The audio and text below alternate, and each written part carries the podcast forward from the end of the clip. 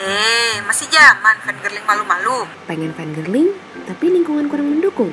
Ayo ayo, sini mari gabung bersama kita di Poli Mali Dali. podcast fangirling Molly dan Olive.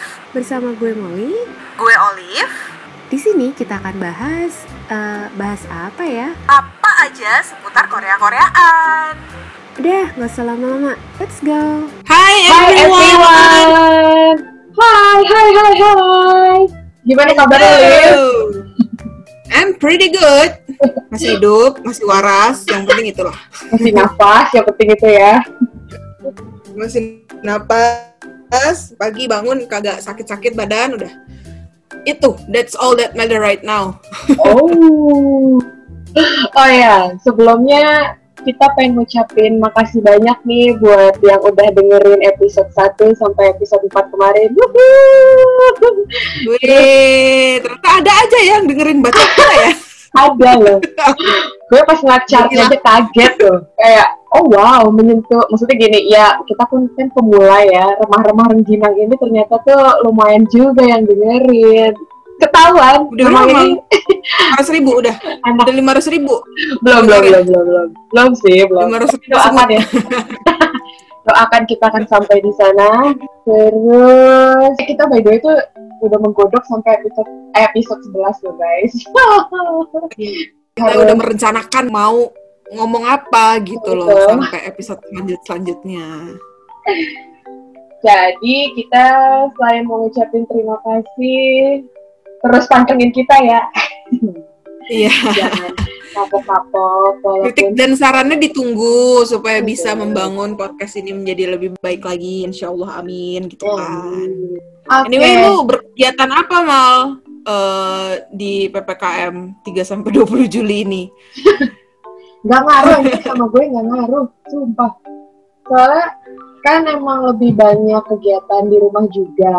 Kerjaan juga banyaknya mobile. Jadi nggak terlalu apa ya nggak terlalu signifikan berpengaruh sih sama gue. Cuma ya emang berasa sih anak-anak gue bosen. Iya lah ya, maksudnya kayak ya kita memang udah ngejalanin WFH ini udah udah dari tahun kemarin, cuman maksudnya harus balik ke fase ini lagi gitu yang bener-bener apa ya? Kalau gue sih lebih ke takut keluar karena gue males. Nanti kalau gue bergejala, terus gue harus swab yang mengeluarkan biaya banyak gitu loh. Iya, kalau iya. gue kenapa-kenapa, otomatis yang swab tuh harus nyokap gue juga, adik gue juga, dan gue itu udah seharga skincare Iya. sayang. Heeh, dan lu bayangin kalau misalnya emang gue bergejala, terus misalnya gue amit-amit gitu ya, indikasi positif, lo bayangin gue harus swab berarti laki gue, dua anak gue, dan karena kan gue masih tinggal sama mertua ya, terus gue harus Mm-mm. swab mertua gue juga, dua orang, terus sama adik ipar gue satu. Mendingan duitnya gue kumpulin ke Korea anjir. Iya lah, maksudnya kayak terus udah gitu juga sakit mau itu covid mau itu enggak, rumah sakit lagi penuh juga gitu kan kayak kita tuh bakal lebih kesulitan kalau kita sakit gitu loh. Maksudnya kan kita kalau keluar tuh sakitnya gak cuma covid ya, bisa aja misalnya kita jatuh lah, kejedot lah, apalah gitu ya kan. Kena apalah digigit nyamuk DBD lah ya kan terus rumah sakit dan klinik tuh lagi kayak gini penuhnya kayak nggak kondusif juga gitu jadi kayak lebih baik kita di rumah aja lah udahlah yang paling bener Iya bener, enggak lah, nggak apa-apa. Kalian nikmatin PPKM saat Iya. ini bener-bener di rumah aja, turutin apa maunya pemerintah sekarang gitu. Berat pasti berat, tapi biar COVID ini cepat hilang guys. Kalian tidak capek apa keluar harus pakai masker sekarang double. Terus ya banyak negara sudah menutup kita. Gue kesal kemarin habis baca di Korea tidak bisa mengajukan visa pelajar anjir. terus ngapain garuk-garuk tanah ya selama ini aku sudah Iya. berusaha Ternyata ini balasanmu Indonesia guling-gulingan ngurusin itu beasiswa jungkir balik tau gak sih? Itu ternyata nggak bisa walaupun itu bisa pelajar. Dan ini tuh ditutup sampai batas waktu yang tidak ditentukan tergantung dari kasus covid di Indonesia. Ya tapi susah sih. Indonesia eh, ya special case lah ya orang-orangnya emang ya udah kita yang waras saja udah menjalankan sesuatu yang emang harusnya dilakukan. Toh masih banyak judul drakor kan Mal ya? Masih. Jadi sekarang lagi nonton drakor apa, Liam? Ya, as I said before tadi sebelum kita record, gue akhirnya nonton ulang beberapa judul. Nih gara-gara si Malika nih gue jadi kangen Jo In Sung, terus gue nontonin drakornya dia. Padahal sebenarnya masih ada juga beberapa judul yang harusnya gue selesaiin, tapi ya udahlah. Eh, gue abis namatin Doom at Your Service juga, terus abis nulis reviewnya juga. ya gitu sih. Kalau lu lagi nonton apa? gue lagi mau membereskan mouse ya nggak beres-beres gue lagi beresin mouse terus gue baru kemarin juga akhirnya tamatin winter akhirnya Oh, iya, iya, terus eh, gue lagi mau ini bertolak ke taxi driver orang udah tamat gue baru mau nonton Tapi kalau mouse, maksudnya kalau lo dari, dari mouse mendingan jangan langsung yang berat mal ke yang ringan dulu. oh iya iya oh itu ya lo nyaranin yang si On Jin Sung itu It's okay, that's love. It's okay Iya that's dong. love ya. Kalau lo suka sama Jo In Sung, Nambah kalau suka sama In Sung di The Winter That Blows, you might like this one as well. Uh, ini tuh nambah lagi loh list Opa yang menuju Pokoknya Ajusi. bukan harus kudu. Kalian harus coba nonton gak? Ya, orang siapa yang percaya dia udah aja sih gila. Anjir, Gantengnya kayak gitu. Heeh. tahun ini 40 tahun deh, seumuran sama Dongwook. Iya loh. Gila, Tapi gila, ya, gila. dia muka kayak gitu. Maksudnya kayak ngapain ditua-tuain sih kalau emang bisa muda ya kan? Gak apa-apa skin, skincare yang banyak. Yang penting tetap awet muda seperti umur Iya. 20-an. Hmm, Yoi. gitu. Wajib. Terus Liv, ternyata pas gue ngulik-ngulik berita, ternyata Mm-mm. Korea itu kenapa belum juga aktif ke Indonesia karena dia akhirnya terkena juga klaster dari varian Delta coy Oh, Korea ini juga varian Delta juga. masuk ya terus Dari mana dia? Em, kan Korea juga masih membuka beberapa penerbangan internasional kemarin-kemarin. Mungkin Iya. ya, mungkin dari ya itulah sama mungkin kayak kita juga kemasukan variasi delta ini kan karena penerbangan internasional kita masih dibuka kan. Eh, pokoknya emang 80% itu masuknya tuh dari kota metropolitan Seoul sebenarnya bukan daerah pinggiran-pinggiran ini. Oh, terus itu berita paling baru banget mal. Soalnya yang gue tahu malah Korea Korea Selatan itu salah satu negara yang udah lepas masker terakhir gue baca. Ternyata malah ini lagi ya. naik lagi ini baru dua hari yang lalu tuh. terus karena kasus pandemi ini yang belum selesai entah kapan juga Korea itu kan bioskop-bioskopnya juga mal-malnya juga akhirnya banyak ditutup kan ya sama kayak kita jadi dia mengadakan salah satunya sih si Lotte Cinema itu ngadain bioskop drive-in Oh, kayak di Indonesia juga ada loh guys. iya iya itu tapi Di Jakarta, di Jakarta. Tapi ya tutup juga sih Iya. sekarang. kalau di eh, di Korea itu ngadain masih diadain sih karena untuk meningkatkan ini kali ya pendapatan Iyalah. Tapi mereka tuh consideration-nya tuh tinggi gitu loh untuk untuk bertindak tuh orang Korea lebih kayak yang iya iya apa ya lebih lebih tahu gitu tahu aturan ya jadi ya mungkin bisa dipercayalah untuk bisa memperlakukan protokol kesehatan yang benar.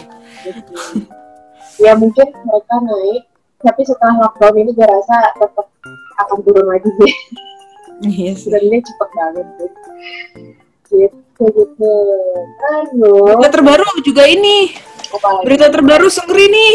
Eh lanjutan iya. kasusnya dia ya kan?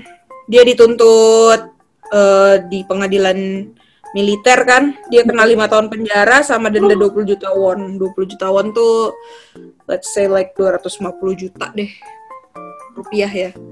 Gitu. Akhirnya Itu didakwa terakhir kan bersalah yang- kenapa? Akhirnya didakwa bersalah. Ya jadi setelah perjalanan panjang dari kasus ini kan since 2019 ya terus dia juga kan akhirnya wamil terus em, walaupun dia wamil tuh tetap perjalanan eh, ininya dia tuh kasusnya dia tuh tetap jalan dijalanin di pengadilan militer gitu kan. Jadi aturannya emang kayak gitu. Ketika lo hamil lo bermasalah lo harus jalanin pengadilan ya akhirnya di pengadilan militer. Nah jadi tuh si Seungri akhirnya didakwa 9 pelanggaran. Gitu. Jadi makanya dia kena lima tahun penjara tuh. Iya ya, Gitu. padahal kasus Burning Sun itu kayak ya udah lama banget dan baru sekarang akhirnya dijatuhin hukumannya. Iya, karena lots of uh, evidence yang kemarin sempet ini sih kayak ada salah satu artis Korea juga kan yang akhirnya mengakui kalau ada beberapa pernyataannya dia yang nggak benar, terus banyak saksi-saksi juga yang protes sama polisi kok gue kemarin nggak ngomong kayak gitu tapi lu bilangnya kayak gitu di keterangan saksi kayak gitu-gitu deh. Jadi emang jadi kalau menurut gue Senger ini emang salah, tapi kesalahannya dia ini akhirnya dimanfaatkan untuk ngejebak lebih dalam lagi gitu sih. Itu menurut sudut pandang gue ya. Jadi jangan tolong jangan dijudge ya. Iya iya. Intinya kita hari ini mau bahas Big Bang. Iya. Pokoknya hari ini bukan girling Big Bang. Yo, generasi Udah siap nih, udah siap stamina. Jiwa raga gue udah siap nih. Ayo kita kayak ngewayang nih. Semalam suntuk juga gue cobanin. Jadi ya, kemarin itu kita tuh udah sibuk kerja, gak ketemu waktunya untuk produksi. Kemarin pas mau produksi, si Olive ini sakit. sakit mal pala gue ampun deh kayak migrain mah enggak ya tapi kayak sakit gitu loh pala gue karena gue, kayak seminggu ini tuh bener-bener di depan komputer tuh ngemantengin terus gitu loh pala gue pusing mana harus create konten udah gitu gue udah bikin udah bikin rencana konten terus habis itu rame beritanya di Instagram sekarang udah bukan post lagi tapi video. Aduh gede banget bawaan gue. Kan ulang lagi dong nih rencana kontennya ya kan? Kesel nggak? Kesel nggak? Kesel lah masa enggak Dan sekarang hari ini dia semangat banget karena bucinnya dia terhadap Big Bang tuh lewat batas loh. Gak apa-apa, gak apa-apa. Akhirnya Olive bisa jadi abnormal. untuk ada platformnya ya karena masalah gini loh mal maksudnya kayak em, itu juga mungkin alasan kenapa gue agak jarang juga nge-repost si eh, apa namanya promo ini promo apa namanya nih apa sih namanya podcast Iya, gue tuh jarang. Karena kan kayak lu tuh bikin teasernya itu kadang bahasanya suka amburadul ya kan. Maksudnya kalau kita kita orang sih denger itu ya lucu-lucuan aja. Cuman kan kayak di Instagram gue tuh ada murid gue, ada orang tua murid gitu kan ya. Nah, gue kan harus menjaga wibawa gue selalu dan senantiasa nih. Ya sebenarnya tuh dilema banget kayak aduh every time you share it to me gitu gue kayak yang aman ya aman gak ya gitu kan. Terus gue liat-liatin dulu instastory gue aduh lagi banyak yang ngeliat lagi gitu-gitu kan. Jadi kayak gue serba salah udah deh nggak deh gitu. Karena gak enak gitu. Eh, sementara pengen juga nge-share gimana sih. Nah kalau di close friend kan ya exposure-nya dikit gitu kan. Berarti gue gak ada wibawa-wibawanya ya, padahal klien-klien gue itu follow gue loh.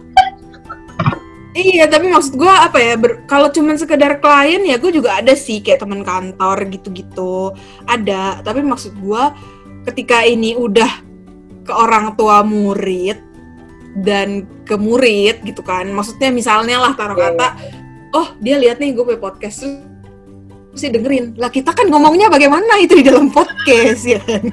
Isiannya itu apa itu semuanya? Langsung hilang nih, runtuh langsung nih image gue sebagai guru yang baik dan budiman gitu kan. Langsung, wow, siapa ini? Gitu. Olivia siapa ini? Gitu kan langsung. Ya udah ya kan gue jadi eh, Bahasnya nggak kalau nggak kolor, apps, mana-mana. Nah kan waktu kemarin yang itu kan lu punya teaser kan ada kata kolor-kolornya ya kan. Gue aduh, gue share kagak ya, gue share kagak ya. Kan takut saya. Mungkin kalau di gue itu berdampak kali ya, karena emang pada hobi aja ngomongin-ngomongin yang aneh-aneh. Iya, maksudnya kayak kalau cuman gue gini deh kalau kerjaan gue bukan guru deh gitu ya. kalau kerjaan gue bukan guru SD. Aduh, masih banyak anak-anak bangsa yang harus saya didik dengan baik dan benar, Malika. Betul. Jadi baik-baik kayak ibu guru ya. Iya, jadi tuh kadang gue mau fangirling itu sungguh hatiku tuh menahan banget gitu loh. Jadi paling bisa nge-fangirling tuh di close friend ya karena kalau sekarang inilah saatnya. akhirnya. Jadi kita mau bahas awal mulanya Big Bang dari mana dulu? Dari debutnya dong, tentu Oh, saja. Big Bang tuh debutnya udah dari tahun 2006. Tanggal 19 Agustus. Nah, terus Big Bang ini eh, mulainya itu tuh dia dari survival show. Jadi kalau kalian pernah lihat YG bikin survival show kayak yang Win Who Is, Who Is Next itu atau yang Mix and Match itu yang ada si Icon. Nah, itu sebenarnya Big Bang juga awal mulai dari situ. Dia bikin lah semacam dokumenter gitu. Namanya Big Bang Documentary The Beginning. Gitu. Nah, sebelum si acara Big Bang Documentary ini dibikin, sebenarnya Jidi sama Teang itu udah duluan jadi trainee di YG Entertainment. Dia tuh jadi trainee tuh umur 11 tahun. Emang pasti masih muda-muda banget. sih. Masih kecil banget, masih kayak anak SD gitu loh. Mereka tuh trainee. Jadi si Jidi sama Teang nih umurnya sama kan. Tapi Jidi tuh masuk duluan. Baru abis itu nggak lama kemudian Teang masuk. Nah, abis itu si Jidi itu manggil temennya nih, si Top. Dari jadi si Top sama Jidi ini udah temenan dari lama gitu. Nah, terus dia manggil nih si Top, eh ayo lo ikut aja audisi di YG gitu. Ntar sama gue, gue di sini gitu kan. Tadinya si Top ini tuh rapper rapper ala-ala gitu, underground. Hmm. Dan nama panggungnya dia tuh dulu bukan Top tapi Tempo Oh. gitu. Nah, sedangkan si Sengri itu awalnya dia itu malah mau eh, audisinya untuk Shinhwa. Jadi Shinhwa tuh sempat mau bikin second generationnya Shinhwa gitu. Terus si Mnet bikinlah acara audisinya, survival show juga kayak gitu. Oh, Nah, tapi si Sengri ini kan suara pas nih, Mon. Maaf, dia jagonya nih nari. Jadi ya udahlah mungkin pada saat itu Shinhwa berpikir oh um, he's not the type that they wanted gitu kan. Hmm. Ya udahlah akhirnya dia nggak tembus di situ. Terus dia ngikut lah nih si uh, apa namanya survival show yang Big Bang ini. Si Desung juga ikut sama ada satu lagi kalau lo tahu uh, dia namanya Jang Jang Hyun Sung dan itu tuh nama panggungnya saat itu adalah Sowon. so, Nah, iya jadi dia so, tuh so, jadi tadinya tuh Big Bang itu berenam. Tadinya Big Bang itu berenam. Bukan berlima udah, ya? Habis itu bukan berlima. Jadi udah setelah survival survival survival show, terus keputusannya itu tadinya si Sengri sama si Sowon ini yang terendah lah performance-nya. Akhirnya tapi si yang Hyunsuk ini si YG ya melihat mungkin si Sengri ini ada potensi yang bisa dikembangin. Jadi dia kasih ya wild card gitulah ya, one last chance terus masuklah dia sementara yang nggak nggak lolos si Sowonnya gitu Sedih. Begitu Tapi ceritanya. kalau nggak salah itu akhirnya jadi good kan ya? iya betul dia akhirnya tapi nggak pakai Sowon namanya jadinya dia akhirnya ditarik sama Cube Entertainment masuk jadi bis terkenal terkenal juga sih akhirnya Iya. ya kan gitu bis kan juga terkenal Iya terkenal banget. itu tuh zaman anak-anak generasi gua juga kasih tahu deh siapa siapa kalian ngaku. iya siapa generasi generasi tua itu kita kita ngakuin kita ada Korea lama. Kita AKL ya anak Korea lama kok. Udah lama. gitu ceritanya tuh awal mulanya Big Bang. Tapi akhirnya si Sowon tuh kalau nggak salah di bis juga jadi lead vokalis. Iya, pokoknya dia karirnya bersinar lah di Iya, bis ya walaupun sekarang bis juga bubar kan ya? Udah kan? Benar gitu.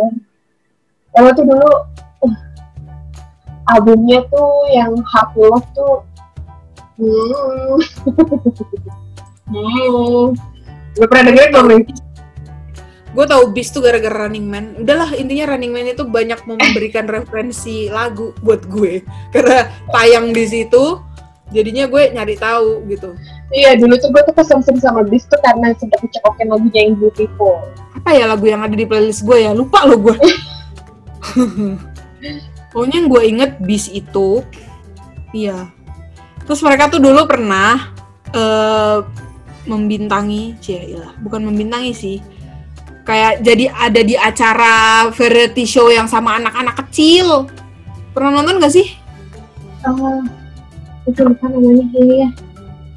Apa sih? yang sama anak-anak kecil deh pokoknya tuh mereka. Lupa guys, kalian inget nggak? Kita lupa lupa. Ntar deh kalau inget generasi tahun 2000 eh 2000 2012 2013 gitu lupa.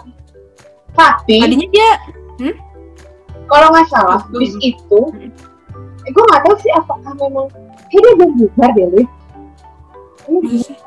Iya, iya. Soalnya katanya tuh ada isu-isunya mau debut lagi. Gue nggak tahu. salah gue tuh salah tuh kan gue tuh suka gitu bis itu gue tadi ketuker sama M Black dong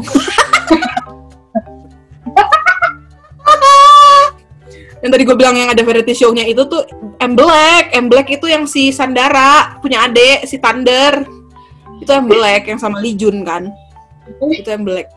Sementara yang gue lagi omongin itu si bis bis itu kan yang ada Lee Ki Kwang. Right? Ah el. Ruin. Banyak kasih boyband? Mirip-mirip semua lagi. Ah el tapi meskipun banyak band-band yang ada Tetap Big Bang di hati. band di hati. Karena emang mereka mereka tuh beda mal. Can you can you spot Iya, the difference? Kayak mereka tuh beda lah gitu. Some, somehow mereka mungkin membentuk ya. Mereka punya eh, mereka punya apa namanya image gitu. Pengen emang jadinya ya lo boleh jadi prince tapi gue kingnya gitu loh kayak ah Astagfirullahaladzim. Tapi di yang eh, lo sempet share yang serial mini seriesnya yang Kim Bum- ada Kim Bum tuh yang Haru. Iya. Haru itu guys artinya dalam bahasa Korea itu adalah satu hari. Sehari. Terus setelah gue ngerti artinya oh Haru tapi sehari. Jadi di situ tuh ada Big Bang juga muncul, mereka juga main, tapi di situ tuh Big Bang-nya Big Bang Big Bang tahun 2000 2010 ya masih gitu kan. Semua pernah alay pada zamannya mal. Dan sedih ya kalian. Semua pernah alay pada zamannya dan semua orang pernah glowing pada waktunya.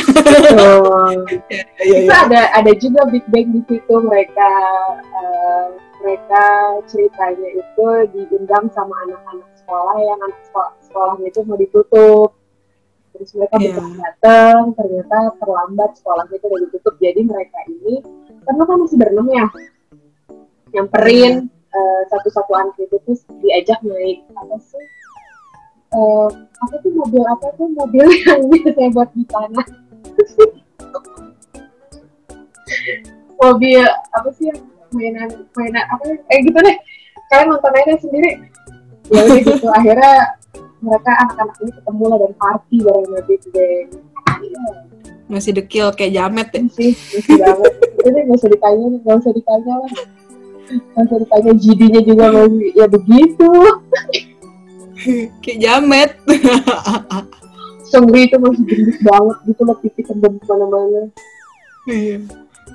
Gitu terus kita bahas apa lagi sih habis itu? Eh akhirnya setelah Tadi tuh sebenarnya si Jidi tuh sempat bete. kenapa? Si Jidi tuh bete ketika dia tahu kalau misalnya akhirnya dia jadi debut grup boy boy band gitu jadi kayak idol group. Dia kesel karena tuh sebenarnya dia tuh udah pengennya ya udahlah gue mau debut sama Taeyang gitu loh kayak gue maunya tuh sama Taeyang aja. Nah tapi tuh terus akhirnya jadi eh, satu boy band gitu dia sebel sebenarnya. Sampai dia tuh nggak mau negor Sungri ada kali tiga bulan. Iya sekarang udah karena kayak dia mah dia emang kayak pengen nunjukin protesnya dia kak gitu. Eh tapi akhirnya gara-gara lo tau nggak gara-gara apa akhirnya dia mau ngobrol sama Sengri bahkan temenan bahkan sayang sampai sekarang? Gara-gara drakor emang drakor tuh pemersatu bangsa. Gara-gara mereka berdua sama-sama nonton Princess Hour zaman itu zaman bahula itu terus akhirnya mereka jadi ngerumpi kayak kita mal. Ngerumpin drakor. Udah deh cocok Hmm. deket ya kan? Eh, jadi lah chemistry Princess Hour itu juga laki gue. Satu-satunya nonton dia nggak nonton Boys Before Flower tapi dia nonton Princess Hour Astagfirullah. Terus gimana? Dia fan fanboying gitu lagi. iya aku Astaga. Oh my oh, god, mangga gak? bapak kamu tahu nggak ya ini ya kan gue lagi nunjukin bom kan ini dengan foto lagi Hmm. apaan sih nggak nonton yang kayak gini nonton yang mana tuh dulu ada hour-hour Princess Hour iya kalau aku mah nontonnya itu Bu. Oh my god, mangga gak tidak lagi sama di mataku. Racunin dong mal pelan-pelan mal, biar kalian tuh ada ada lagi kesinambungannya gitu kalau ngobrol.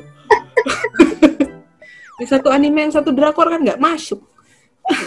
susah ini mau dijejelin lagi dia tuh kayak menolak gitu kayak, jangan jangan dia tuh kayak takut terlibat gitu loh Takut jatuh cinta lebih dalam. iya Ya salah, gengsi. gengsi padahal juga ntar kalau dilihat kayaknya ini cantik ini kayak bagus nih ini ini fanboying dia padahal di situ kesel Aduh, ya gitu. Akhirnya gara-gara Princess Hour pemersatu bangsa itu jadilah si Jidi dan Sengri deket gitu. Tapi itu dulu zamannya Jidi masih jadi makne di YG. Sebelum jauh lah jauh way before this Big Bang thing ini. Dia kan masih umur 11 tahun gitu kan, udah jadi eh, trainee di YG. Terus dia tuh emang ada masa-masanya di mana dia tuh kayak bersih-bersihin basement gitu loh. Jadi walaupun masih kecil tuh eh bantuin eh, sanbe-sanbenya kalau misalnya lagi latihan, terus nganterin air minum, kayak gitu-gitu. Terus nggak lama kan Teyang masuk kan, terus dia seneng, asik gue bersih-bersihnya ada temen gak sendirian gitu. Bener-bener ngepel, ngepel, nyapu gitu loh. Karena emang YG saat itu kan masih ya entertainment kecil lah ya YG itu zaman itu kan. Nah, Terus udah gitu si Jidi ini karena dia yang paling dia paling kecil umur masih 11 tahun. Kadang tuh suka apa senior tuh suka gemes-gemes gitu. Kayak ini anak tuh masih kecil banget loh gitu kan. Kadang tuh kalau si Jidi suka pakai topi kan gayanya suka swag-swag gitu. Terus dia suka pakai topi kan. Terus kadang ujung topinya tuh suka di kayak dipukul gitu. Weh gitu loh kayak gitu. Suka kayak ditegur gemes gitu. Nah tapi Jidinya tuh takut. Kayak aduh aduh gue takut sama senior senior gue gitu karena dia kan paling kecil. Maksudnya kecil dari segi umur dan segi badan kan gitu orang Itu kalau Gidi Iya, kayak ketemu Jinushan, ketemu Teddy yang di One Time gitu kan suka segen gitu ya. Hmm. Ya udah, akhirnya tapi sekarang mah dia mah udah jauh lah di atas yang sanbe-sanbenya itu kan. Gitu. Orang yang nyusuk aja si YG-nya aja tuh eh, kayak adalah di satu survival show lain gitu kalau nggak salah si Icon ya dia tuh sempet ngomong gitu eh, gue tuh YG tuh bukanlah yang ngebentuk Big Bang tapi Big Bang eh apa YG bukanlah yang ngejadiin Big Bang tapi Big Bang yang ngejadiin YG oh. Oh. Iyalah kayak iyalah kayak only God knows lah ya how much they contribute YG gitu. Kayak Iya. lo lihat aja gedungnya dulu tuh kayak apa terus pas Big Bang meledak tuh gedungnya kayak apa. Nah ini Blackpink meledak tuh gedungnya juga kayak apa udah beda Hmm. lagi kan. Beda lagi. Emang tapi lu udah udah tahu hmm, ini nggak sih? Jalan masuk ke gedungnya YG tentu saya tidak tahu karena saya belum pernah. Nggak berani bayangin bun. Nyumput. Apa? Nyumput cuy. Masuk ke gang-gang gang kecil gitu. Jadi gue juga belum ya, gue juga nggak belum ke sana kan. Gara-gara gue ngeliat Korea Romit dia itu nunjukin gedungnya YG Buset, oh di Korea Rumit ada ya? Ada ada. nonton. Dia nunjuk dia nunjukin gedungnya YG gitu kayak buset jalanannya bener-bener masuk ke gang-gang jalanan-jalanan kecil gitu loh nyumput-nyumput banget gitu kayak nggak pengen diketahui sama orang. Padahal kalau udah ketahuan gedungnya tulisan YG Entertainment gede banget itu depan gede banget iya gue cuma sempat lihat dalamnya dari ya variety show variety show. Kayak Running Man kan pernah syuting di situ tuh sama 21 pernah ada satu episode gitu kayak ngiter-ngiter di gedungnya itu lah ntar ke music roomnya lah nanti ke ruang dance lah nanti ke mana lah gitu ke ruang gymnya. Oh my god, ngomongin Tony One jadi rindu aku. sabar tenang. Ada masanya nanti Malika yang fangirling 21 Ah, parah. Oke, oke. Sabar ya, sabar, sabar. Terus itu Big Bang debutnya itu melalui lagu La La La La La. iya lo udah pernah denger kan lagunya Udah. Jamet 100% itu Masih zaman Asli tuh mukanya masih hitam-hitam banget semuanya. Aduh maaf saya bukannya rasis ya, tapi tapi sumpah dekil. Oke, I might say dekil. Dia itu mereka itu pada bagus mukanya itu setelah Fantastic Baby. Enggak lah, sebelum Fantastic Baby juga udah. Pokoknya yang pas I hate this love song itu udah mulai sih. Itu gue langsung yang kayak wow, wadidaw. Oh mungkin habis Yes. itu ya. Kalau gue tuh terpaparnya setelah Fantastic Baby terpapar. gue mulai dari itu yang eh, apa I hate this love song, I hate this love song itu loh. Nah itu kan yang mereka hitam putih kan itunya video klipnya. Tapi dia punya yang nggak nggak dipungkirin itu emang posturnya jadi banget terus eh, dia punya muka glowing banget udah udah kelihatan banget bedanya.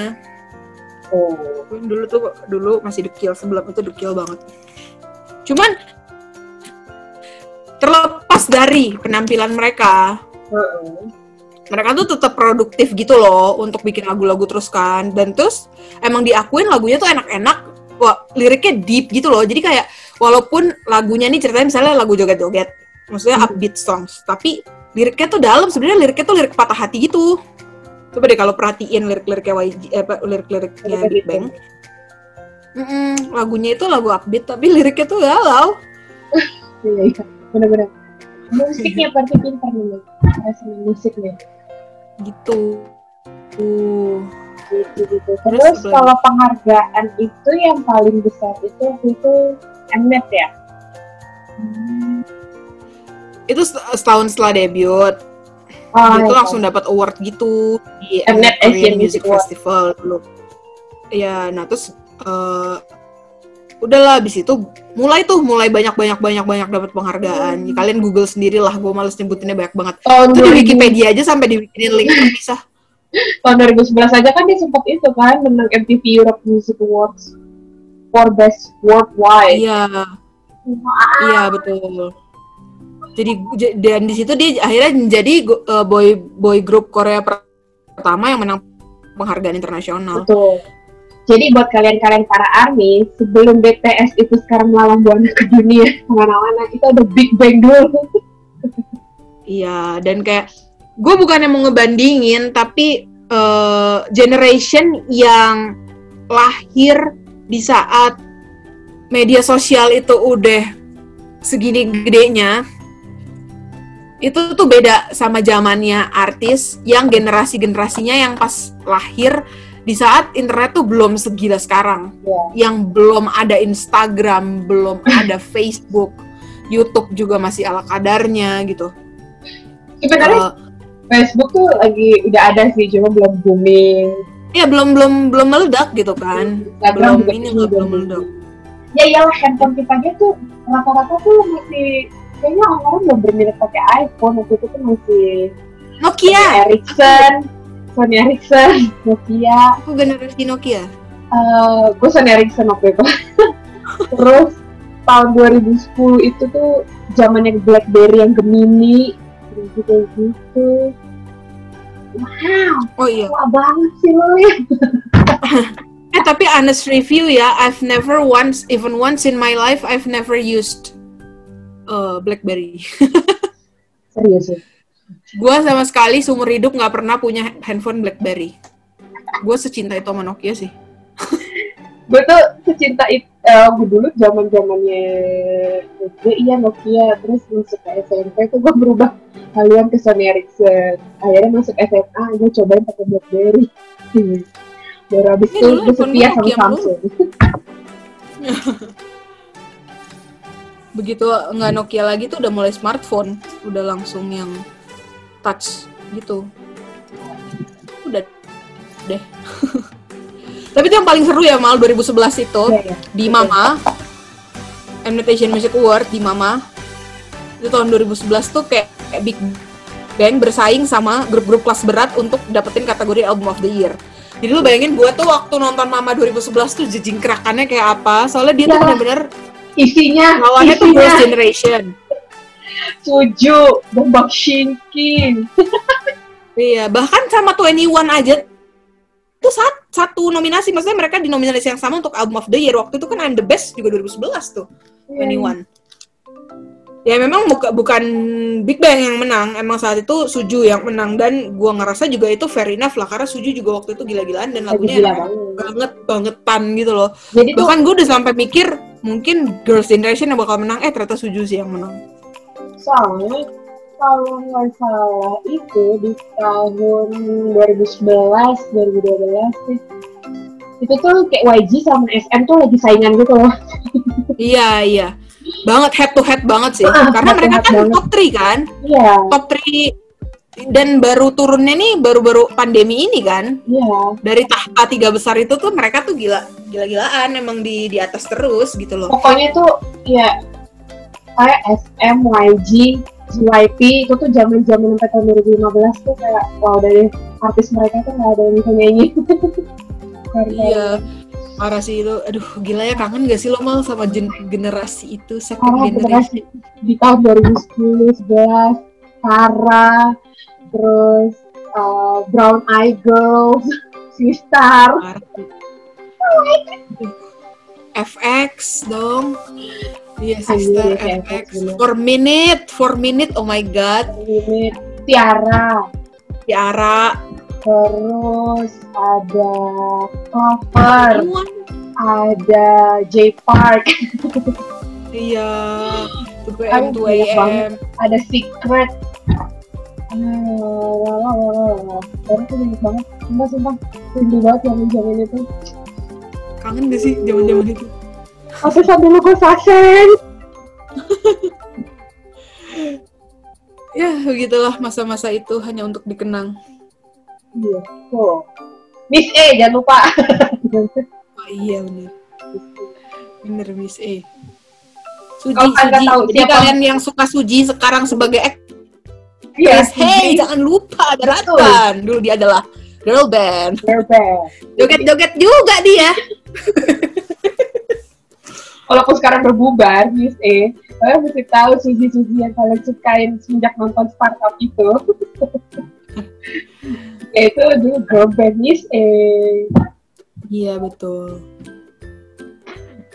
Terus terus apa lagi? Oh iya, akhirnya ya udahlah si Big Bang ini kan dia udah mulai dapat rekognisi dari banyak eh, kalangan, dari segi lagunya juga dan eh, apa luar negeri juga akhirnya mengapresiasi mereka dengan penghargaan gitu kan. Begitu keluar album yang Alive yang ada Fantastic Baby Baby. itu, wah gila sih itu kayak bener-bener Big Bang, emang bang banget gitu. Iya, bener-bener. Udah sampai interlokal juga udah siapa yang nggak tahu Big Bang gitu kan. Dan mereka ya. meraih itu organik sih menurut gua. Menurut gua mereka emang bener-bener ada di MTV, ada di Channel V, bener-bener emang tiba-tiba tuh udah Korean Wave banget udah tuh. Langsung udah makin gila tuh second generation itu kan. Terus um, surprisingly bahasa Inggrisnya mereka bagus juga gitu. Walaupun kok. dulu pas belajar katanya sering bolos ya. Hei, yang bolos-bolos itu belum tentu gedenya masa depannya nggak jadi kok. Iya iya iya iya. Setuju saya setuju. ya gitulah terus Big Bang juga banyak eh, apa ya mencetak prestasi ya kalau menurut gua eh, untuk dunia K-pop gitu. Jadi Jadi, dia adalah grup pertama yang kolaborasi sama artis barat bener. gitu kan. Terus Sampai- juga Eh, Billboard tuh tau Billboard kan yang ya, yang Amerika Billboard. tuh Heeh. yang suka bagian review-review lagu-lagu yang chart-chart lagu itu. Iya, iya. Pada Masuk tahun kan? itu, iya, pada tahun itu eh, si Big Bang itu sampai disebut object, objectively one of the group's best era. Wede. Wuh, tepuk tangan dong, Mal. Ayo kita tepuk tangan. Itu saking ya bener, ya bener karena gue itu dicekokinnya sama temen-temen gue Big Bang itu emang kenanya tuh awal pertama kali tuh karena ada di album live ini Fantastic Baby Blonde sama yang kenanya habis itu kayak Kagak. oh enak ada monster ada monster enak lagi Iya kan? Dulu dulu kok enak terus eh, bad boy Iya, iya. Udah lah Sorry. I'm a bad boy. Sorry, I'm a bad boy. Aduh, gila kangen banget masa-masa itu. gue ngeditnya abis itu kayaknya masukin lagunya Big Bang deh buat itu Iya dong, boleh gak sih kita Iya. copyright gak sih? enggak enggak sih kan bukannya bukannya yang full full banget gitu kan Cuma Iya, iya, iya, iya. potong terus gitu. Oh. Jadi ya, teman-teman semuanya, sobat-sobat podcast, ya kan? Eh, for your information, Big Bang itu adalah idol yang diidolakan para idol. Jadi opak-opak yang kalian gandrungi itulah si Song Joong Ki, si Kang Hanel, Park Bogum, Jun Gi, Kim Woo Bin, Lee Jae Hoon, tuh taxi driver. Itu tuh mereka mengakui dengan bangganya ketika diwawancara nge- ngefans sama siapa kalian? Kalian tuh idol. Tapi idol siapa yang kalian fans? Semua tuh pasti jawabnya Big Bang dan GD Wow. gitu. Bahkan boy band, girl band yang adik-adik semua ini pada suka nih ya. Oke, let's say GOT7, G-Friend, atau bahkan BTS yang lagi naik daun ini, itu terang-terangan mereka ngakuin kalau mereka tuh suka banget sama Big Bang. Kayak Big Bang inspired lots of boy band and girl band in Korea. Hmm. Bahkan Ayu cewek juga, sekelas Ayu, Ayu Ayu. bukannya bucin banget sama itu sayangnya Iya. Ya, dan bucin itu benar-benar kayak kita gitu loh. gue suka Kayak manusia normal. videonya tuh yang dia pengen tayang gitu loh di atas panggung habis mereka duet ya kalau gitu Habis itu joget-joget kan, kesenangan. Oh, hmm. gila seorang Ayu aja bisa kayak gitu apa kabar kita Nah, gitu. Jadi paham ya, kenapa Big Bang ini begitu melekat di hatiku gitu loh. Karena emang idol aja ngeidolain mereka. Gitu. apalagi kita yang manusia biasa ini Iyalah. terus terus apalagi ya eh kalau karir acting mereka gimana nih Karir acting mereka, ya awal-awalnya sih mereka ini ya dimulai dari parodi drakor ya.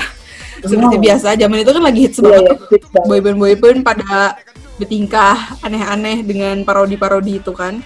betul Nah tapi terus di top tuh bener-bener eh, seriusin actingnya dia juga gitu. Eh, dia sempat ada di drakor Iris itu kayak action gitu sama Lee Byung Hun. Em, dia keren sih di situ.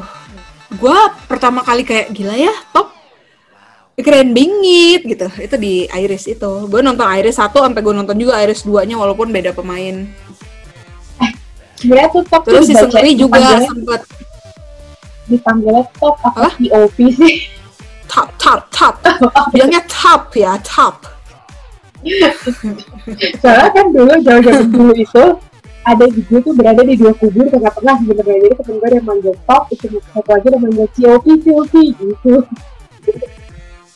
sebenarnya ya whichever you like lah ya you like ya pokoknya begitu nah dia tuh acting lah serius. Dan akhirnya dia juga ada beberapa film dan beberapa drakor juga. Eh enggak. Film sih dia lebih ke film ya. Eh, si top ini. Nah terus si Sengri juga sempat ada ya walaupun dia nggak pemeran utama ya dia cuman supporting. Tapi dia sempat main sama ini sama yang jadi Gem Jandi di Boys Before Flower. Si Gem Jandi ini jadi pemeran utamanya. Terus Sengri main jadi pemadam kebakaran gitu nah kalau si Jidi surprisingly actingnya tuh ternyata keren banget jadi villain di em, salah satu acara Infinity Challenge namanya jadi dia suka kayak bikin ala-ala gitu kan Infinity Challenge ini suka tiba-tiba ada konser lah, Iya. bikin lagu lah. Nah, terus yang terakhir itu sempat bikin film, mereka acting semuanya tuh punya peran gitu. si Jidi jadi penjahatnya dan itu keren banget keren belum bingits. Dia. Harus nonton harus nonton. Kayaknya ada sih di web yang gua kasih lo itu. Nah, iya. supposed to be ada. Gitu. Terus intinya itulah. Pokoknya intinya Big Bang itu sering menjadi yang pertama yang pertama gitu mal di Hmm. di Itu apa ya. namanya dunia drakor eh dunia drakor di dunia K-pop Karena jadi dia tuh si Jidi sendiri itu tuh Hmm. jadi pelopor finger heart kan itu loh yang Iya, jempol sama tujuh ketemu jadi hati nah Iya. finger heart Jadi kalian tahu yang bentuknya sekarang kalian Nah, sepakat terus si Big? Bang ini Nah, terus Big Bang ini pernah jadi eh, bukan pernah. Big Bang ini adalah grup pertama yang dikasih kebebasan untuk nulis lagu sendiri dan produksi eh, karya mereka sendiri. Jadi masih wajib ini udah ngelatih mandiri dan biar mereka tuh bisa tahu oh gue tuh nyamannya ada di warna musik mana sih gitu loh. Kalau di Hmm, jenis-jenis yang lain Iya, banyak kan kan eh, kebanyakan itu Udah diakuin gitu. Oh, berarti memang didikannya wajib tuh wow ya. Wow sih, karena kan kalau kalian nonton juga Blackpink apa tuh yang di Netflix? Sebenarnya ya pokoknya film-film dokumenter gitulah. eh yang yang Blackpink juga itu. Ada, itu so, kan- gue lupa judulnya apa pokoknya Blackpink. Ah, Blackpink itu lah. Itu kan juga eh, beritain kalau si Robe itu juga ciptain lagu sendiri, terus aransemen lagunya sendiri, itu kayak diperbolehkan gitu ya di YG. Jadi kayak si Lisa pun juga diperbolehkan untuk menemukan karakter suaranya sendiri gitu kan. Kan dia main rappernya di Blackpink. Hmm. Beda loh sama kalau agensi sebelah. Iya, agensi tetangga Nah, itu pokoknya maunya ya tahu beres, udah nggak usah ribet, lo udah gue cariin lagu yang enak yang udah pasti hits ya. Tapi memang terbukti, tapi ya balik lagi mereka tidak bisa berkembang. Begitu. Terus Big Bang juga jadi eh, grup band pertama yang memperkenalkan konsep mini album, tapi mini albumnya berseri. Jadi dia bikin Mate kan, itu yang sebelum mereka pada wamil tuh mereka bikin Mate, itu kan M A D E. Nah jadi tuh M A D E-nya itu tuh satu-satu itu ada eh, mini serinya, mini Hmm. albumnya. jadi Jadi album M M, sendiri, A sendiri, D sendiri, E sendiri terus digabungin gitu. Isinya tuh dua-dua lagu dan itu semua dijadiin video klip. Jadi ada video klipnya gitu lagunya. Kecuali yang If You. Hmm. Parah sih itu gila-gilaan sih. Jadi mereka setelah lama menghilang dan akhirnya kembali lagi ngeduar lagi dengan konsep yang baru. Terus habis itu akhirnya gara-gara World Tour Mate ini mereka masuk lagi satu prestasi jadi grup band pertama yang bikin World Tour tapi skalanya segede konser niat banget gitu loh. Hmm. kan biasanya kan kalau grup band itu kan world tour ya udahlah tapi di negara-negara yang lain ya paling ya biasa aja. Nah tapi ini tuh semuanya skala besar. Dan itu akhirnya jadi pencetak prestasi lagi gitu. Terus masuk ke deretan grup juga yang penjualan tiket si Mate ini tuh tercepat satu juta tiket kejual within 3 seconds Wow, hanya Iya. tiga detik, gila gak sih lo gila gak sih kayak satu juta tiket hanya tiga detik. Iya, gue tuh sebenarnya udah amazed sama EXO ya. 0,2 detik 68 ribu yang kejual. Ini sat- satu juta dalam tiga detik nggak ngerti gue. Wow, speechless langsung speechless. Wow, jam. Nah terus si Mate ini juga yang apa world tournya Mate ini akhirnya kan dibikin fi- film juga kan yang udah udah tayang di Netflix teman-teman kalian bisa saksikan kalau zaman dulu gue nontonnya di CGV Sama siapa nih? tebak dong sama siapa Gue tahu nih, pasti geng rumah nih. Iya, I watch it with my mom and my sis. Gila gak sih lo kayak nyokap gue mau dengan senang hati. Bahkan ya kayak dia, pokoknya dia mau banget gitu nonton di bioskop. Kayak, ayo, oke kita nonton bertiga, mama yang bayarin. Wow, gue langsung kayak, wah, ayo. Terus kayak seneng banget gitu. Terus udah gitu, waktu itu sih zamannya masih ada bajakan kan. Kayak, eh, ayo dong download gitu kan. Terus nonton lagi di TV. Terus ada di, di- di Netflix, dia juga bilang ayo dong nonton gitu kayak dia semangat sesemangat itu dong nonton Hmm. Gila, nyokap Terus tadi ya, nonton di K-pop Netflix masih ya. joget-joget juga gitu. Kayak yang denger lagu Bang Bang Bang Bang tuh dia masih segitunya gitu loh, hype-nya tuh masih joget-joget juga. Iya. Gue the best. Terus bentar laki gue ngegusur gue nih anjir. Ntar dulu, Mbak. Eh, lah balik-balik ke gusur. Terus kita bahas apa? Oh, itu. Apa namanya? Apa namanya? Eh, membahas personel satu personel apa? Mulai dari siapa? Salah satu personil. Siapa dulu? Pilih deh, pilih. Aku jelas GD karena aku mau ngomongin sama GD. Oke. Jadi Bagaimana suhu? Bagaimana suhu? Ya. nggak nggak usah dipungkirin lah kalau jadi ya, maksudnya dia tuh udah creator jatuhnya, bukan lagi musician ya. Dia dia creator sih, kayak itu yang tadi gue ceritakan yang dia pelopor finger heart itu udah dari zaman dia kecil gitu kan. Terus dia juga pencipta tren light stick untuk idol group. Jadi Big Bang itu technically the first one, the first boy group yang secara resmi punya light stick.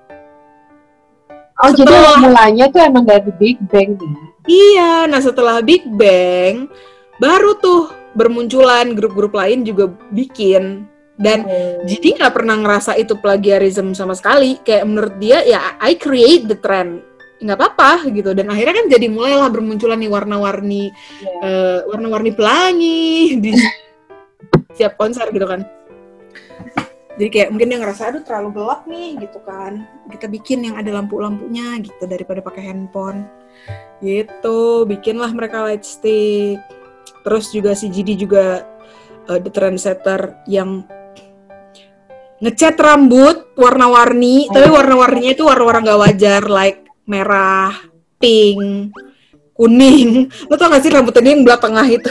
Iya, iya. terus kuning rambutnya belah tengah cuman sampai cuman sampai di atas alis gitu kan Iya, terus di iya. belah tengah terus dia cat kuning udah kayak sushi yang telur itu tau gak lo Iya, tinggal di tengahnya kasih hitam aja tuh jadilah dia sushi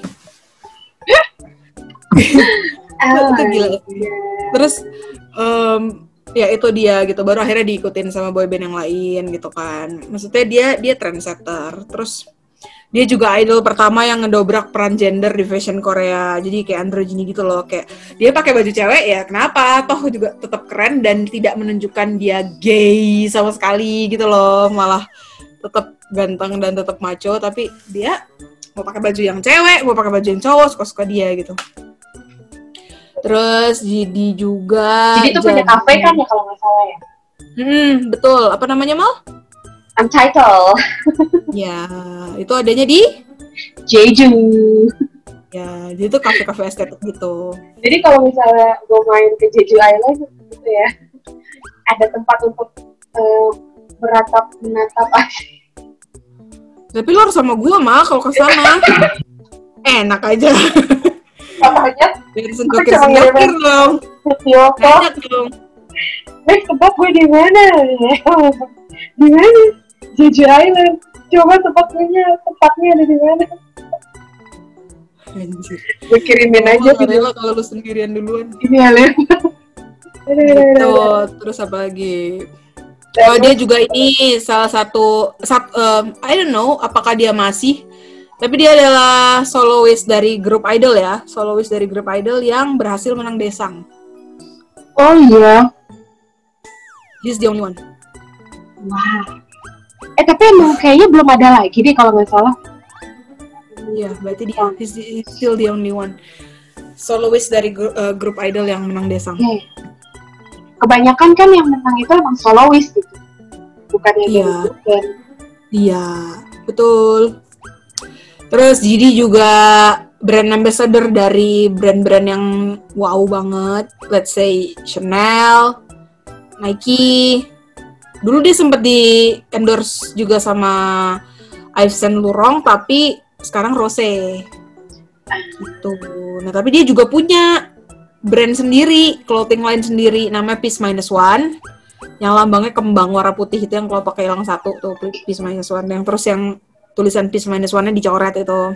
Nah sekarang plus minus one itu jadi nama second account-nya dia. Jadi itu punya second account lo BTW, tapi di private. Follow, follow. Nggak bakalan dia approve lah gini. Oh iya sih. Cuman close, the closest friend doang. Gitu. Kalau misalnya dia pro gimana nih? Udah lah. Wah, saya akan breaking. Breaking tujuh hari tujuh malam. Di semua online eh, social media saya. Saya tidak peduli apa kata orang. Betapanya di itu di maki-maki sama VIP yang lain loh. Ya, bodo amat. Bodo amat, pinggir lo semua. Gue di prof mau apa loh? apa lu? Ah. Terus Terus, di di itu lulusan mana sih? Oh iya, jadi tuh biar selengean-selengean gitu dia tapi Dia pinter. Iya, dan dia tuh kayak mengutamakan pendidikan. Jadi tuh dia lulus S1 2010, dia langsung hajar lagi, terus lulus S2 2013, terus dihajar lagi, lulus S3 pas sebelum wamil kemarin. Anjir. Sampai S3 coy. Tapi Gila. tuh cocoknya dispatch, masih aja bisa-bisanya dia ngomong nih ya, kalau itu adalah alasannya Jidi untuk nunda wamil. Kayak, ya udahlah, itakcoh. Kayak, maksudnya, hey, semua, eh, most of the idol, itu sebenarnya nyari-nyari alasan kali buat nunda wamilnya Iyalah. umur Wamil tuh- wamil itu kan iya umur umur yang harusnya wamil itu kan mereka berjaya jayanya di karir gitu loh Iya. Wamil tuh kayak apa ya menunda karir mereka semua tau. ya lumayan kan dua tahun gitu dan dan kayak ya kenapa harus jadi juga yang di point out melulu gitu loh kan kan sebenarnya juga ada yang lain juga yang nyari nyari alasan untuk untuk menunda wamil tuh ada juga yang lain gitu loh Hmm. Tapi ya Jadi, gitu. Tapi kalian tuh pada tahu nggak nama aslinya Jidi? ayo jangan nggak tahu lagi Ayo. Nama aslinya itu dia marganya Kwon. Kwon Jiong. Onjiong Kwon Jiong karena Jiong itu di bahasa Korea itu kenapa namanya kenapa makanya namanya Jidi ada dragon Jiong itu adalah dragon Mm-mm. guys Betul. di Dragon Dragon dia itu umurnya sekarang sudah 30 tahun Tanggal ulang tahunnya cantik mal, coba sebutkan. tanggal 18 Agustus 1988 8 semua 18 8 88. Keren ya? kills Kurang hoki apa tuh? menurut itu Feng Shui juga dia hoki emang dari namanya Aduh, aduh, Dia tuh masuk jajaran orang terkaya di Korea nomor 4 loh mal. Kekayaannya dia tuh 55 juta dolar. serius Iya yang terbaru, berita terbaru eh 2021 dia masuk jajaran keempat orang terkaya di Korea 55 juta dolar kekayaannya dia. Itu dia dapat dari selain dia punya bisnis, clothing line, sama eh, cafe juga. Dia kan megang hak cipta untuk 180 lagu mal udah dia daftarin itu hak ciptanya dia semua. Jadi dia bangun tidur juga royalti ngalir terus, pensiun sekarang juga bisa. Di oh dia tuh pernah di salah satu teks di- dia tuh pernah di salah satu talk show dia tuh nge-break gitu. Kalau dia ngedip aja satu lagu hits tuh keluar. Iya iya sombong amat. Terus GD itu kan kalau nggak salah dia bikin hotel buat keluarganya. Oh iya iya iya, iya. Tahun 2012 tuh GD itu bangun pension hotel yang emang sebenarnya itu dihadiahin buat orang tuanya. Iya iya betul. Jadi tapi sebenarnya eh, dia ngebuat sih tapi eh, si hotel itu tuh di running sama keluarganya sama keluarganya sama orang tuanya. Gila, sangat berbakti sekali ya gila ya hotel. Kita kapan ya ngasih orang tua? Kadang tanggal tua juga dimintain duit pulsa suka bingung. Dia bikin hotel loh. Hadiahnya bikin hotel hotel. lagian. jiwa miskin. Bergelora Aduh. Dia tuh juga gua- tuh brand ambassador Airbnb loh. Oh dia juga Airbnb. Mm, tahun 2015. Wow. Gue baru tahu sih. Iya, dia tuh tahun 2015. Pokoknya the face of Airbnb in the Asian market. Gitu. Tapi Airbnb eh, akhirnya emang ini sih jadi kayak trusted gitu ya akhirnya ya. Apakah karena dia? Uh, Mungkin secara tidak langsung. ah, Tapi lo ngerasa gak sih mau si lo ngerasa gak sih mau si Jidi tuh kurus banget ya? iya. Eh, ya mau apa ya? enggak, enggak. Eh, gue nggak tahu kalau dari segi visual, kalau dari segi visual mungkin nggak semua orang tipenya dia gitu loh. Iya, iya, iya. Maksudnya Karena karena dari segi badannya. Karena kayaknya lebih banyak ke Teang. Ya, Deso. Eh, jadi tuh apa ya? Ya, ya emang gitu yang orang yang aneh-aneh dan suka sama dia. Aneh dong gue. Eh juga dong. Gimana ini? Tapi emang dia pinter terus gimana dong? Sebel banget. Iya, cuman walaupun dilihat ya mungkin dia nggak terlalu tinggi, badannya nggak terlalu jadi, tapi fan girlnya dia dari lokal sampai interlokal ada mal sekelas Paris Hilton aja ngefans loh. Iya. Jangan Dari yang eh, manggil opa sampai yang minta diakuin nuna nuna Nah. ya lengkap semua tuh berjejer. Heeh, terus kayak Jidi tuh kalau nggak salah tuh emang Lady Gaga itu ngefans banget sama si Jidi juga. Iya. Dia temenan sama Justin Bieber juga. Iya. Iya emang selera seleranya dia tuh selera western banget sih. Betul. Kiblatnya ke sana sih. Oke, gitu. Terus dia juga pernah ini dia juga pernah punya ide gila gitu. Jadi dia bikin satu video klip.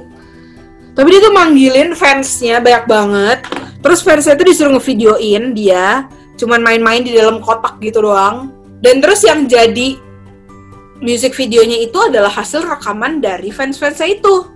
Jadi tuh makanya di credit title tuh panjang banget sampai karena banyak namanya yang sama kan, sampai Hmm. dikasih nama lengkapnya sama tanggal ulang tahun supaya ngebedain yang mana orangnya yang namanya siapa itu. Jadi kayak eh credit title-nya tuh jadi banyak banget karena dia tuh ngambil-ngambilin video dari fansnya.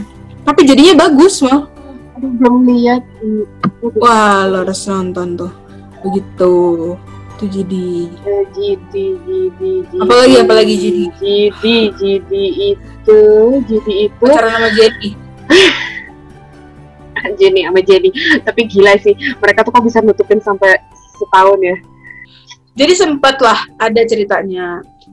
Kalau katanya eh apa ya si dis kan dispatch kan yang pertama keluarin dan dispatch bilang itu udah satu tahun berjalan mereka pacaran dan eh, YG Entertainment tidak mengkonfirmasi hal ini gitu kan. Hmm. karena memang eh, one of the good thing dari YG Entertainment mereka tuh menjaga banget privasi artisnya. Jadi kayak kalau mereka mau konfirmasi apa pun mereka tuh akan nanya dulu sama artisnya lo mau nggak nih dikonfirmasi? Lo mau nggak kita ngomong? Lo maunya kita gimana? Gitu. As your as your agency what should we do? Um, to the kontroversi gitu. Terus ya mereka nggak ngerasa perlu ngekonfirm kalau si Gigi bilang udah gue males nih ngeladeninnya gitu. Ya pasti YG bakalan dengan waduh sorry nih kita nggak bisa konfirmasi soalnya itu kan privasi artisnya ya gitu kan. Hmm. kita nggak bisa ngomong apa apa nih sorry nih soalnya artisnya juga nggak mau kita ngomongin soal itu gitu. Ya media bete dong kayak yang anjir lo agensinya tapi lo nggak bisa ngomong apa apa gimana sih? Gitu loh. Kayak beda hal kan sama yang agensi tetangga gitu kan yang langsung begitu rilis beritanya langsung dia nge-confirm gitu atau men- atau atau bohong atau gimana. Tapi kan kalau ini tuh enggak jadi itu sebenarnya nggak pernah benar-benar kita tahu. Cuman ya kalau mereka sering foto barengnya iya juga gitu kan. Ada beberapa apa ya cocokologi cocokologi yang ya oke lah bisa dibilang oke mungkin mereka pacaran beneran gitu. Tapi, tapi ada juga yang bilang kalau itu adalah pengalihan isu. oh dari Sangria. Satu mungkin dari Sengeri juga. Dan kedua dari jadi pada saat itu lagi rame banget kasus-kasus bullying kan. Sampai kalau lo pernah gue ceritain juga banyak akhirnya yang cancel judul-judul drakor. Terus banyak eh, anggota-anggota grup yang keluar dari bandnya karena dia pasti ketahuan kalau dia tuh suka ngebully gitu loh. Dan ya pokoknya adalah nanti off the record gue ceritain. Oh iya, oke oke. Dan- Oke dan ada satu ada satu uh, girl band terkenal yang satu namanya ini terseret nih. Gitu. Jadi mungkin pengalihan isu dari itu. Kita nggak tahu nggak pernah ada konfirmasi apa apa jadi nanti kita ngobrol di record aja ya. Jangan di sini ya ibu, nanti kita diserang. iya. Tapi emang sebelum Jini itu emang ya, kisah cintanya Jini tuh banyak disorot juga sih. Tapi yang naik tuh lima nama lainnya tuh banyak Liv. Ada Oh, iya, yang eh, apa Sebutkan, namanya yang model sebutkan. asal Jepang itu. betul Terus tapi gue tuh yang paling eh, ngefans banget dan gue tuh setuju banget kalau mereka nge-shoot tuh sama Dara sih. dan kalau lo mau tahu gue sampai sekarang kayaknya hati gue masih mempercayai kalau sebenarnya Jini itu sama Dara gue nggak Iya. tahu deh Karena gue kayak Dara gue- Gen dari dulu loh gue seneng banget loh parah-parah gue tuh setuju sih kalau misalnya beneran dia banget sama Dara sih tapi mungkin sebenarnya sama Dara sebenarnya foto-foto yang keluar dari sama Jenny kayak cuma nganggap adik kakak doang gitu loh karena emang mereka satu agensi kan Ya dan emang dari sebelum si Jenny apa debut aja tuh udah udah jadi model Iya. video klip, terus udah pernah diajak duet juga Iya. gitu kan. Terus kan emang si Jenny kan juga sempet diisuin sama Suli juga. Ya, ya, Leon juga. Sama Teon juga. Versi. Gitu terus emang dua kali dia dia kena tuh sama model Jepang kan Komatsu Komatsu. Iya, tapi itu juga sweet banget tau kan bocor ya fotonya. Jadi tuh sweet banget. Jadi tuh di satu talk show tuh pernah mal. Si Jadi Hmm. tuh jadi dan akhirnya dikonfirmasi oleh member lainnya kalau jadi tuh kalau pacaran tuh kayak sering banget ngasih act of service gitu loh mal. oh Jadi dia tuh tipikal yang kayak bisa nih tali sepatu cewek lo copot terus dia menunduk untuk pasangin gitu loh. Bisa yang kayak ketemu ceweknya terus nanti ceweknya diambil air minum kayak gitu. Jadi tuh pleaser banget buat pacarnya kalau dia emang udah sayang gitu. wow Jadi Ini kayaknya abis satu pacar episode hanya untuk ngebahas Jenny nih boleh dipecah. gitu. Jadi apa namanya? Ya iya, jadi tuh banyak cewek-ceweknya. banyak cewek-ceweknya tapi gue tetap mendukung dia sama Dara sih Iya, entah kenapa kayak hati gue tuh, ya maksudnya lo sama yang lain juga gue nggak apa-apa kok, Mas eh, Bang Naga nggak apa-apa. Tapi maksudnya eh, kalau boleh nih kita kasih saran ya kan. kalau bisa balik sama Dara, balik dah, ya kan? iya betul Sama Nuna Nuna biasanya lebih berpengalaman gitu kan. Gak apa-apa lah. ah, ada Nuna yang berpengalaman ada yang juga enggak sih tapi Oh, sama gitu. Dara eh, enggak apa